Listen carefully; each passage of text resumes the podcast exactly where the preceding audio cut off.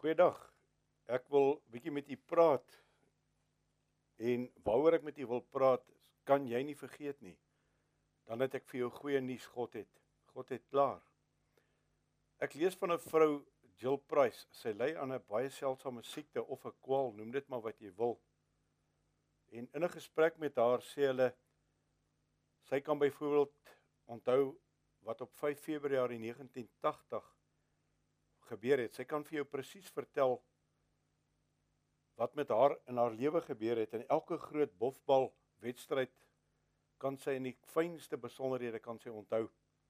Sy vertel presies wat in die finale episode van daai goeie ou televisieprogram MASH van Februarie 28 1983 gebeur het. Sy sê sy onthou dit was 'n maandag, dit was 'n reënerige dag gewees in haar huis toe sy daarna gekyk het. En jy weet, mense nou dink maar dit is hom nou fantasties om so 'n geheue te hê. Maar tog as jy in ag neem dat studies toon dat 'n gemiddelde persoon gaan net 3% van lewensgebeure by by hulle hou. Die ander 97% vervaag so met tyd. So jy sien om alles te kan onthou wil ons sekerlik dink is sekerlik maar 'n gawe, maar tog skryf Jill Price in haar boek The Woman Who Cannot Forget. Sy sê, "Dink jou in om elke argument wat jy ooit in jou lewe gehad het te onthou. Om elke keer as iemand jou te nagekom het, elke fout wat jy ooit in jou lewe gemaak het en die ergste dinge wat jy ooit vir mense gesê het. En dink jou dan in dit in om in in een van hierdie dinge uit jou kop kan jy nie een uitkry nie dan dink ek word hierdie nogal 'n verskriklike tragiese verhaal.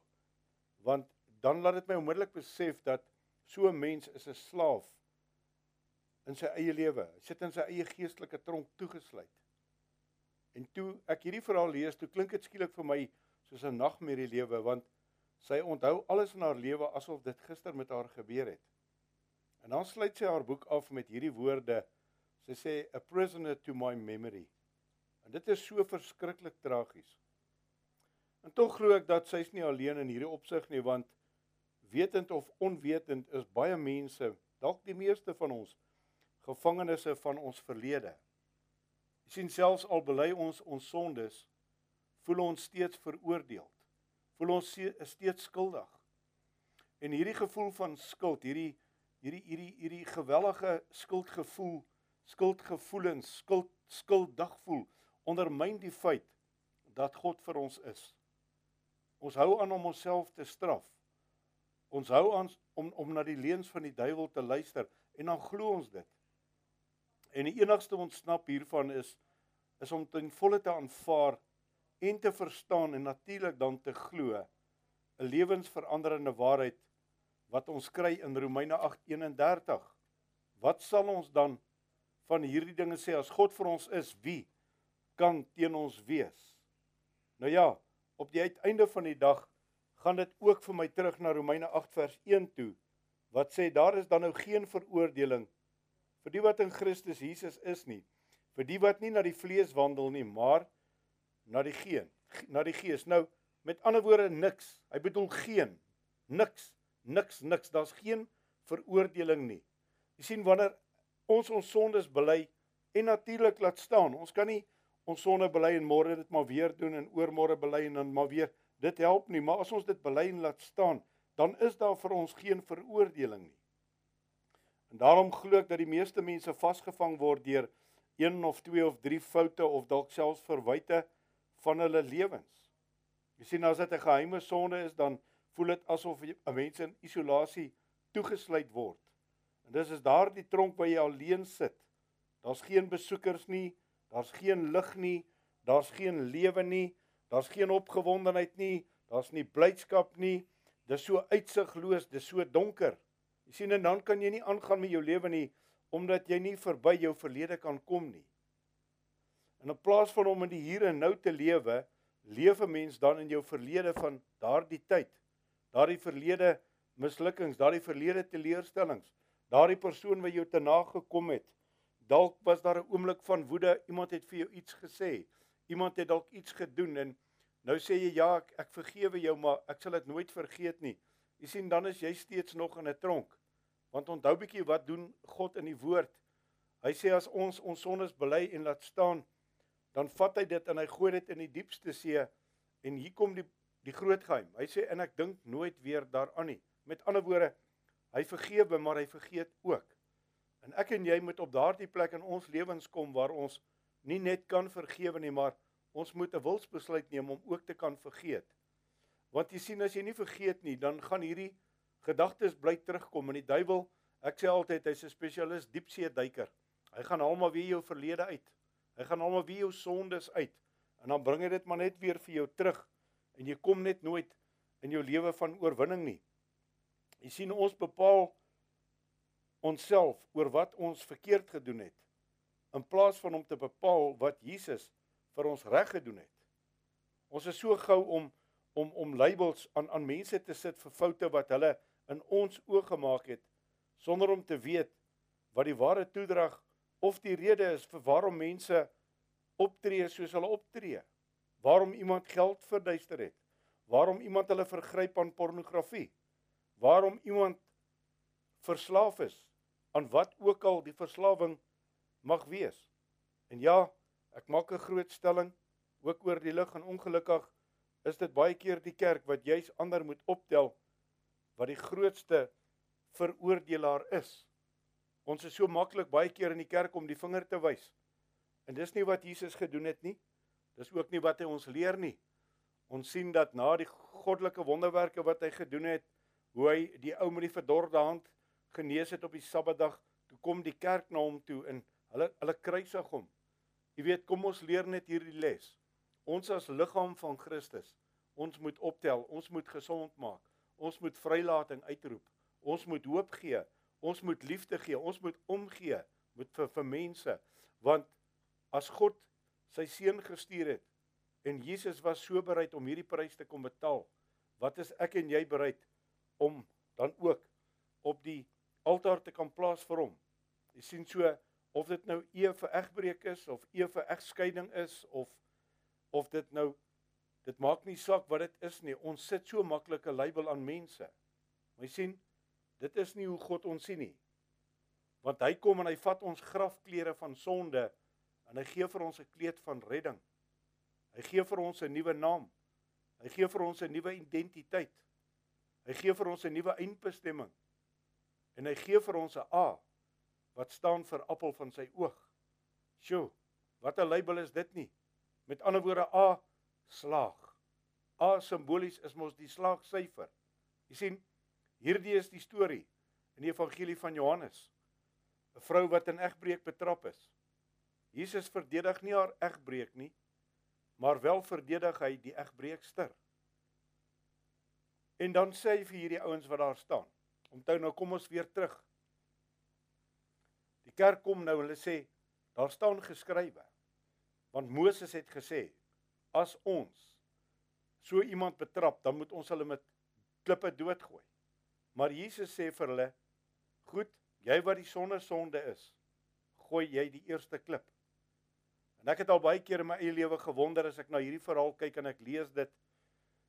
Die woord van die Here sê en een vir een het hulle weggestap deur hulle gewete aangekla. Ek wonder hoeveel van daai ouens van die van die hoëpriesterlike of die priesterlike afkoms of die adel, noem hulle maar wat jy wil, het daar met 'n klip gestaan. Ek wonder net hoeveel van hulle het ook by die egbreekster gaan kuier. Maar jy sien, toe haar sonde aan die klok gehang word, toe is dit maklik om die aandag van jouself af te kry. Want nou het jy iemand, jy wil jou swakhede wegsteek, jy wil jou sondes wil jy verdoesel. Maar ja, dank die Here. Jesus sê die eerste een sonder sonde, gooi, gooi die klip. En wat gee Jesus vir haar? Hy gee vir haar die beste beste label, vee, vergewe. Gaan en gaan sondig nie meer nie. Maar ja, wat sou ons gedoen het in so 'n geval? Sou ons haar verdedig het of sou ons ook 'n klip opgetel het? Jy sien, ons kan so maklik veroordeel as iemand se sonde aan die klok gehang word. Maar ek sê altyd ek en jy is nie agter die toedeur van daardie mens gewees nie. Ons weet nie wat het gebeur nie. Ons weet nie was daar tragiese, traumatiese dinge wat met hulle gebeur het, dalk in hulle kinderjare, maak nou nie saak wanneer nie. Feit van die saak is ons het 'n keuse of ons gaan verdedig of gaan ons 'n klip optel. Ons moet net besef sonde is altyd teenoor God, nie mense nie. Ek het nie vandag nodig om teenoor 'n mens te bely nie. Al wat ek vandag teenoor 'n mens kan doen is ek kan vergifnis vra. Ek kan 'n ek kan 'n ander persoon vryspreek. Want jy sien die oomblik as jy met vryspraak kom, kom daar vir jou genesing. Dis tog immers wat die wat die gebed van Jesus vir ons leer toe die disippels sê leer ons om te bid. Toe sê hy onsse Vader. Jy ken die hele gebed, ek gaan hom nie herhaal nie, maar dan sê hy daar vergeef ons soos ons vergewe. Jy sien, daar's een plek waar ek persoonlik glo God ons ons maak God kragteloos. Is wanneer ons nie kan vergewe nie, dan kan God ons nie vergewe nie. En daarom dalk sit jy vandag met bitterheid. Dalk sit jy dalk vandag met onvergewensgesindheid. En dalk sê jy vir my jy praat maklik. Ek praat nie maklik nie. Ek het ook 'n pad moes loop.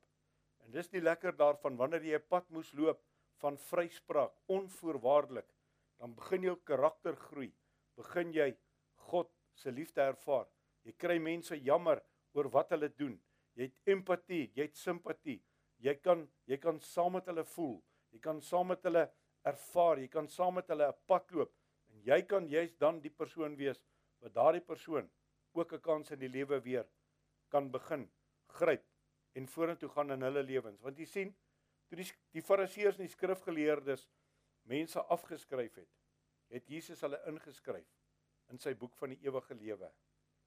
Toe die mense die vrou die deur gewys het onder hulle uit uit hulle huise uit uit hulle dorp uit uit hulle lewens uit het Jesus vir haar genade bewys. En hy het vir haar sy deur vir haar oopgemaak. Ek en jy is vandag ook veronderstel om agente van hierdie genade vir die mense om ons te wees. Luisteraar, kom ons kyk na die toestand van die Valdriehoek. Kom ons kyk na die toestand van Suid-Afrika. Hoeveel nood is daar werklik om ons? Stel ons belang, gee ons nie meer om nie, gaan dit maar net oor onsself, gaan dit maar net oor wat ons kan kry, gaan dit maar net solank daar vir my kos op my tafel is, is alles 100%, dan het ons nie die Christusgesindheid nie.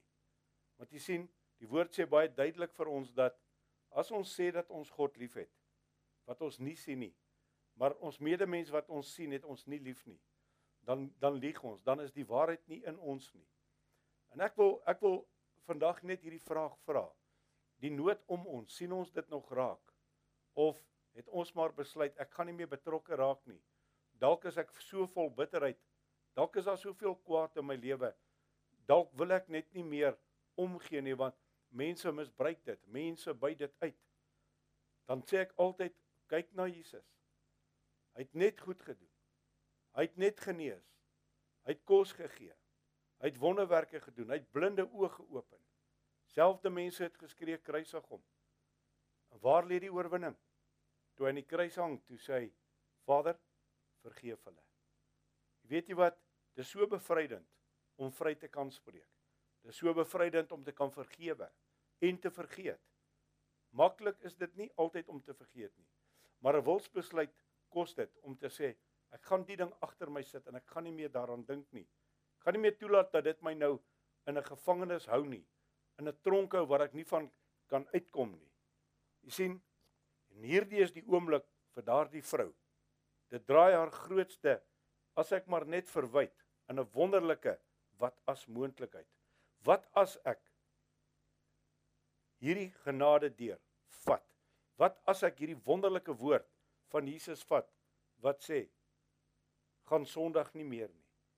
Jy sien as ek net nie dit gedoen het nie, word dan vir haar 'n goddelike moontlikheid van Sondag nie meer nie. Jy sien in haar lewe kry nuwe koers. Vraag is, wat hou jou vandag vas? Kry klaar daarmee. Jy weet 'n tragiese verhaal kry ons altyd in die Bybel van van Israel. God het Israel uit Egipte gevat op een dag. Maar dit vat Israel 40 jaar om Egipte uit hulle self te kry. En dit het gebeur by Gilgal. 381 myl of 838 km weg van Egipte af. 400 jaar se gewoonte moes gebreek word. Glad nie 'n maklike taak nie. Tegnies gesproke was Israel vrygelaat by die uittog, maar prakties gesproke vat dit 40 jaar om al hulle verlede sleg bindinge, vloeke, slaafmentaliteite uit hulle uit te kry. Daar in Josua hoofstuk 5 kom die woord. Hy sê vir ons in vers 9: Toe het die Here vir Josua gesê: "Vandag het ek die smaad van Egipte van julle afgewentel." En daarom het hulle die plek Gilgal genoem tot vandag toe. En dan gaan hy na vers 12 toe in Josua 5. Hy sê in die dag nadat hulle van die opbrengs van die land geëet het, het die manna opgehou sodat die kinders van Israel verder geen manna gehad het nie. Maar hulle het geëet van die opbrengs van die land Kanaan in daardie jaar. My verklaring rondom hierdie skrifgedeelte God het gesê genoeg is genoeg. Vir 40 jaar het ek julle nou gevoer. Vir 40 jaar het ek julle manna gegee.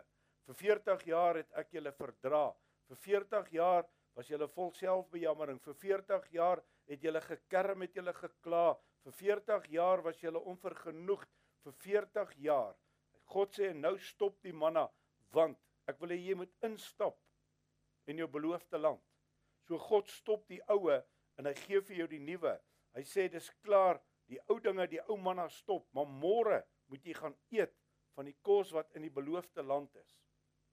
Jy sien, soms vat dit langer as 40 jaar om jou gevoelens van skuld en mislukkings en teleurstellings af te lê. Soms moet jy ook dalk 800 km te voet af lê en verby jou verlede te stap tot by jou hier en nou jou toekoms wat nou vandag wil begin. God wou dalk lankal gehad het jou dag moes gebeur het. Jou tyd moes nou al gewees het dat jy in jou oorwinning kon lewe. Maar jy het vasgehou aan hierdie dinge van die verlede. Die vraag is hoe lank wil ek nog sukkel om in 'n oorwinning te kom? So dit maak nie saak hoe lank dit is of hoe ver jy al gesukkel het nie. God kan steeds jou as ek maar verwyte wegrol. Dit is nooit te laat om te weet wie jy kan of wil wees nie. Ons sal by die wat as in ons lewens kom, maar om by die beloofde land uit te kom, moet ons eers deur 'n Gilgal kom. Want jy sien ons moet sien, dis die pad wat ons moet loop. Gilgal Afrikaanse woord is so mooi gil. Gil, gillende desperaatheid. Gil is as jy benoud is. Gil 'n bietjie jou nood na God toe. Roep 'n bietjie uit. Die woord van die Here sê so mooi. Voordat jy roep, sal ek antwoord. Maar wat sê die tweede gedeelte van die woordjie gilgal? Gil. Gal is bitterheid. Jy sien as jy nie kan vergewe nie, as jy nie kan vryspreek nie, as jy nie jou verlede kan agter jou sit nie, As jy nie kan klaar kry met die mislukkings van die verlede nie.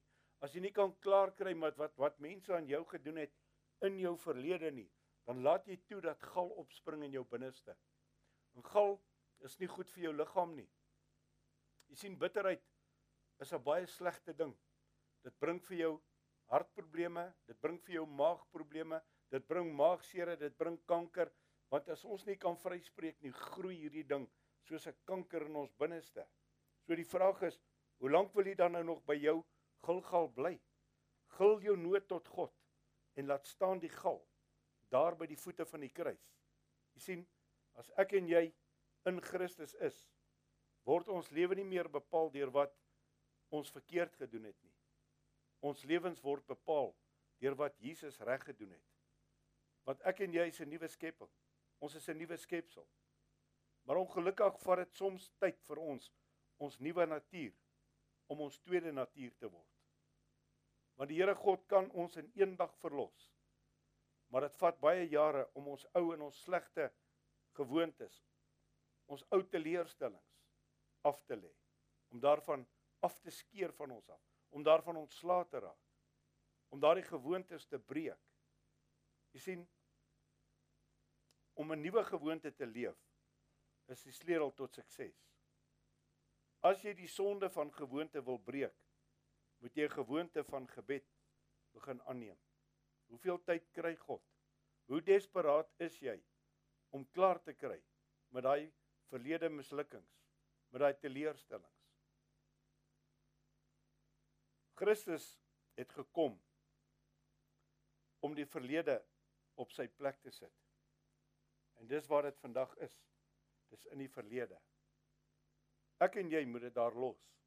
Hoeveel keer het 'n mens al hierdie ding gehoor dat mense kom op uitnodiging in 'n kerk en nooi hulle sê bring jou laste kom hier voor en dan kom jy en bid vir die mense en dan doen die Here 'n wonderlike ding en dan vat hulle maar weer 'n ou bonneltjie dan stap hulle maar weer by die kerk uit met dit.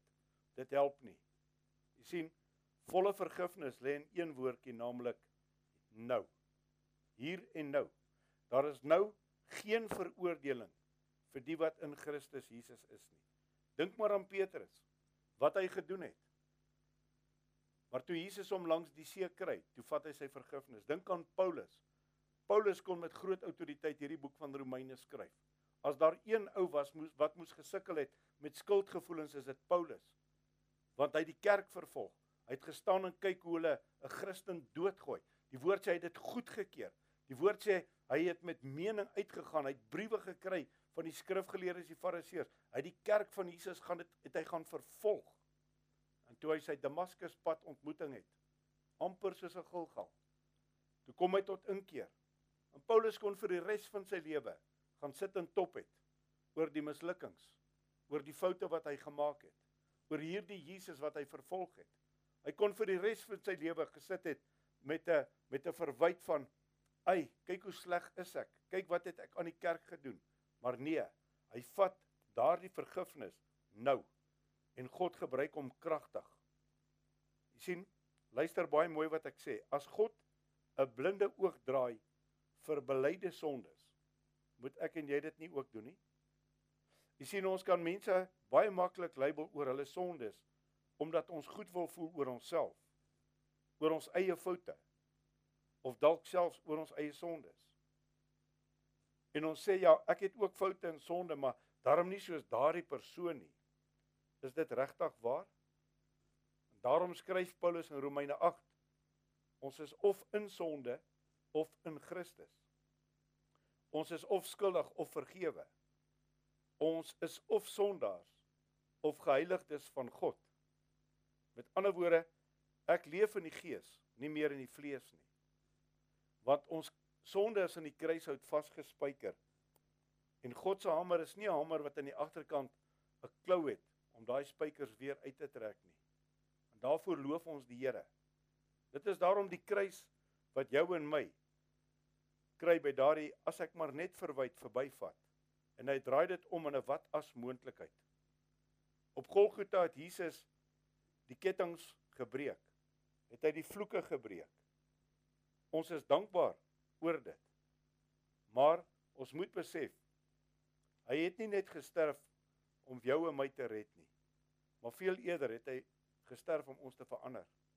Hy het ons gered nie net om veilig om ons veilig te hou nie, maar veel eerder om ons gevaarlik te maak vir sy koninkryk. Jy sien, God het altyd 'n groter plan. God het altyd 'n groter droom. God het altyd 'n strategie. Daarom het Paulus vir ons ook gesê, ons stryd nie teen mense nie, maar is teen die bose geeste in die lig. En daarom as jy vergifnis ontvang, as jy vryspreek, as jy daardie vergifnis van God nou ontvang, as jy dit vat en jy maak dit joune hier en nou, dan word jy 'n bedreiging vir die koninkryk van die vyand. Jy sien, dan word ons 'n gevaar vir die duiwel en sy demoniese magte juis omdat ek en jy 'n verskil kan maak vir alle ewigheid. En die vraag wat ek net vra, is dit nie tyd dat ons bietjie sal begin optree as agente van genade wat kyk en soek na geleenthede om mense lief te hê wanneer hulle dit die minste verwag of verdien nie. 'n Kort vraag, verdien ek en jy genade? As ons moet teruggaan in ons verlede, As ons moet kyk na wat ons in ons lewens al gedoen het, verdien ons genade? Nee. Maar waar is ons vandag? Ons is waar ons is omdat God se genade so groot is. Omdat God se genade so onbeskryflik is. Omdat God se genade so so so verskriklik wonderlik is dat 'n mens dit nie in in 'n woord kan vervat nie. Jy kan dit nie bymekaar kry nie want hierdie genade van God is is net asemrowend. In baie dae in my eie lewe sal ek net sit en sê Here, hoe's dit moontlik? Hoe's dit moontlik dat U my so lief kan hê? Hoe's dit moontlik dat U my naam geskryf het in die boek van die lewe? Maar dan weet ek ook ek het verby my verlede gekom. Ek het dit gelos waar dit hoort in die verlede. Ek het besluit ek gaan nie meer die leuen van die duiwel glo nie. Ek het besluit ek gaan God op sy woord vat. Ek het besluit God se woord is waarheid. Ek het besluit ek sal leef volgens die woord van die Here God in my lewe. Jy sien God se voorwaarde is dit. Is jy vandag skoon? Is jy vergeef? Is jy vry om 'n hand te kan uitsteek? Want op die einde van die dag ek kan niemand help as ek self 'n slaaf van sonde is nie. Ek kan nie 'n alkolikus gaan help as ek self 'n alkolikus is nie. Ek kan nie iemand help wat in pornografie vasgevang sit as ek self daarin is nie. Maar jy sien dan kom hierdie wonderlike God. En hy sê in sy woord vir ons gaan roep vrylating oor my kinders uit. Die Here wil nie jy moet 'n slaaf wees nie. God wil nie jy moet vasgevang wees nie. God wil nie jy moet sit met kettinge met toue wat jou swaar maak, wat jou moeg moeg maak, wat jou aftrek nie. Jy sien alles wat die duiwel aan ons kom hang, maak ons moedeloos, maak ons donker, maak dat ons in 'n gat gaan sit, maak dat ons depressief raak. Maar God kom, hy gee vir ons net mooi lewe, die teenoorgestelde lewe en dit in oorvloed. Jy sien, ons doen so baie bevryding. En ons sien dit so baie keer dat mense so baie baie baie jare slawe van hulle verlede. Ek wil vandag vir u goeie goeie nuus gee. Moenie daar bly nie. God het jou nie geroep om 'n slaaf te wees nie. Hy het ons geroep tot vryheid. En hy sê in sy woord: "Maar moet net nie jou vryheid gebruik tot 'n aanleiding van jou sondes nie." En dis vir ons die grootste beloning. As ek en my vrou so ons berading en ons bediening doen en ons bevrydings doen, is die grootste beloning as jy kan sien hoe 'n mens voor jou verander word. Hoe God daardie laste vat wat die duiwel aan hulle kom hang het, daardie swaar kettinge wat hy aan hulle kom hang het en hulle verruil dit vir dit wat Jesus gesê het neem my las en my juk want my las is lig en my juk is sag ek wil u nooi vandag kry klaar met jou verlede.